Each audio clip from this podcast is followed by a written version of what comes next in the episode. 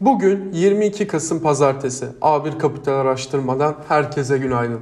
Güçlü mali sonuçlar ve sağlam makroekonomik verilerle desteklenen yurt dışı finans piyasaları bu hafta rekor seviyeler peşinde koştular. Hisse senedi piyasaları küresel tüketicinin güçlü bir şekilde ayakta kaldığına dair kanıtlarla desteklendi. Diğer taraftan Covid konusunda Avusturya'da genelleştirilmiş bir sınırlamanın duyurulması ve Almanya'da öngörülen senaryonun da aynı olması riskten kaçınmaya ve oynaklığın artmasına imkan verdi. Performanslar her yerde karışıktı. Dow Jones'ta bu hafta %1.2 düştü. S&P 500 genel olarak yatay ve Nasdaq 100 hala %2.5 artıdaydı.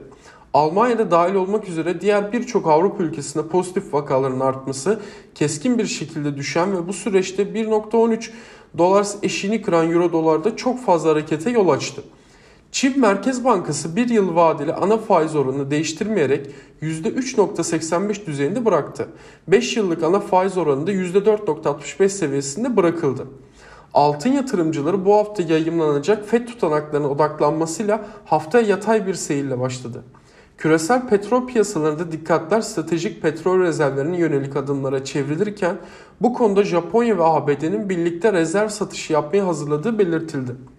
ABD Başkanı Joe Biden piyasaların sonraki FED Başkanı'nın kim olacağını ve ülkede enerji fiyatlarını aşağıya çekmeye yönelik olası adımları belirledikleri bir dönemde salı günü ekonomi ve enflasyonla mücadeleye ilişkin bir konuşma yapacak.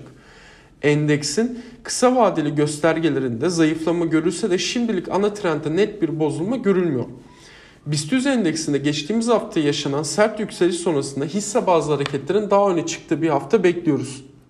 Son dönemde etkili olan yükselen kanalın alt bandı konumunda olan 1719 seviyesi ilk destek noktası olarak takip edilebilir. Bu desteğin üzerine endekse güç korunacaktır. Ancak 1719'un altına yenilmesi endekse gevşeme eğilimini hızlandırabilir.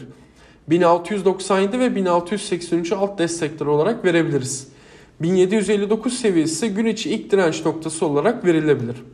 Herkese iyi seanslar, bol kazançlar.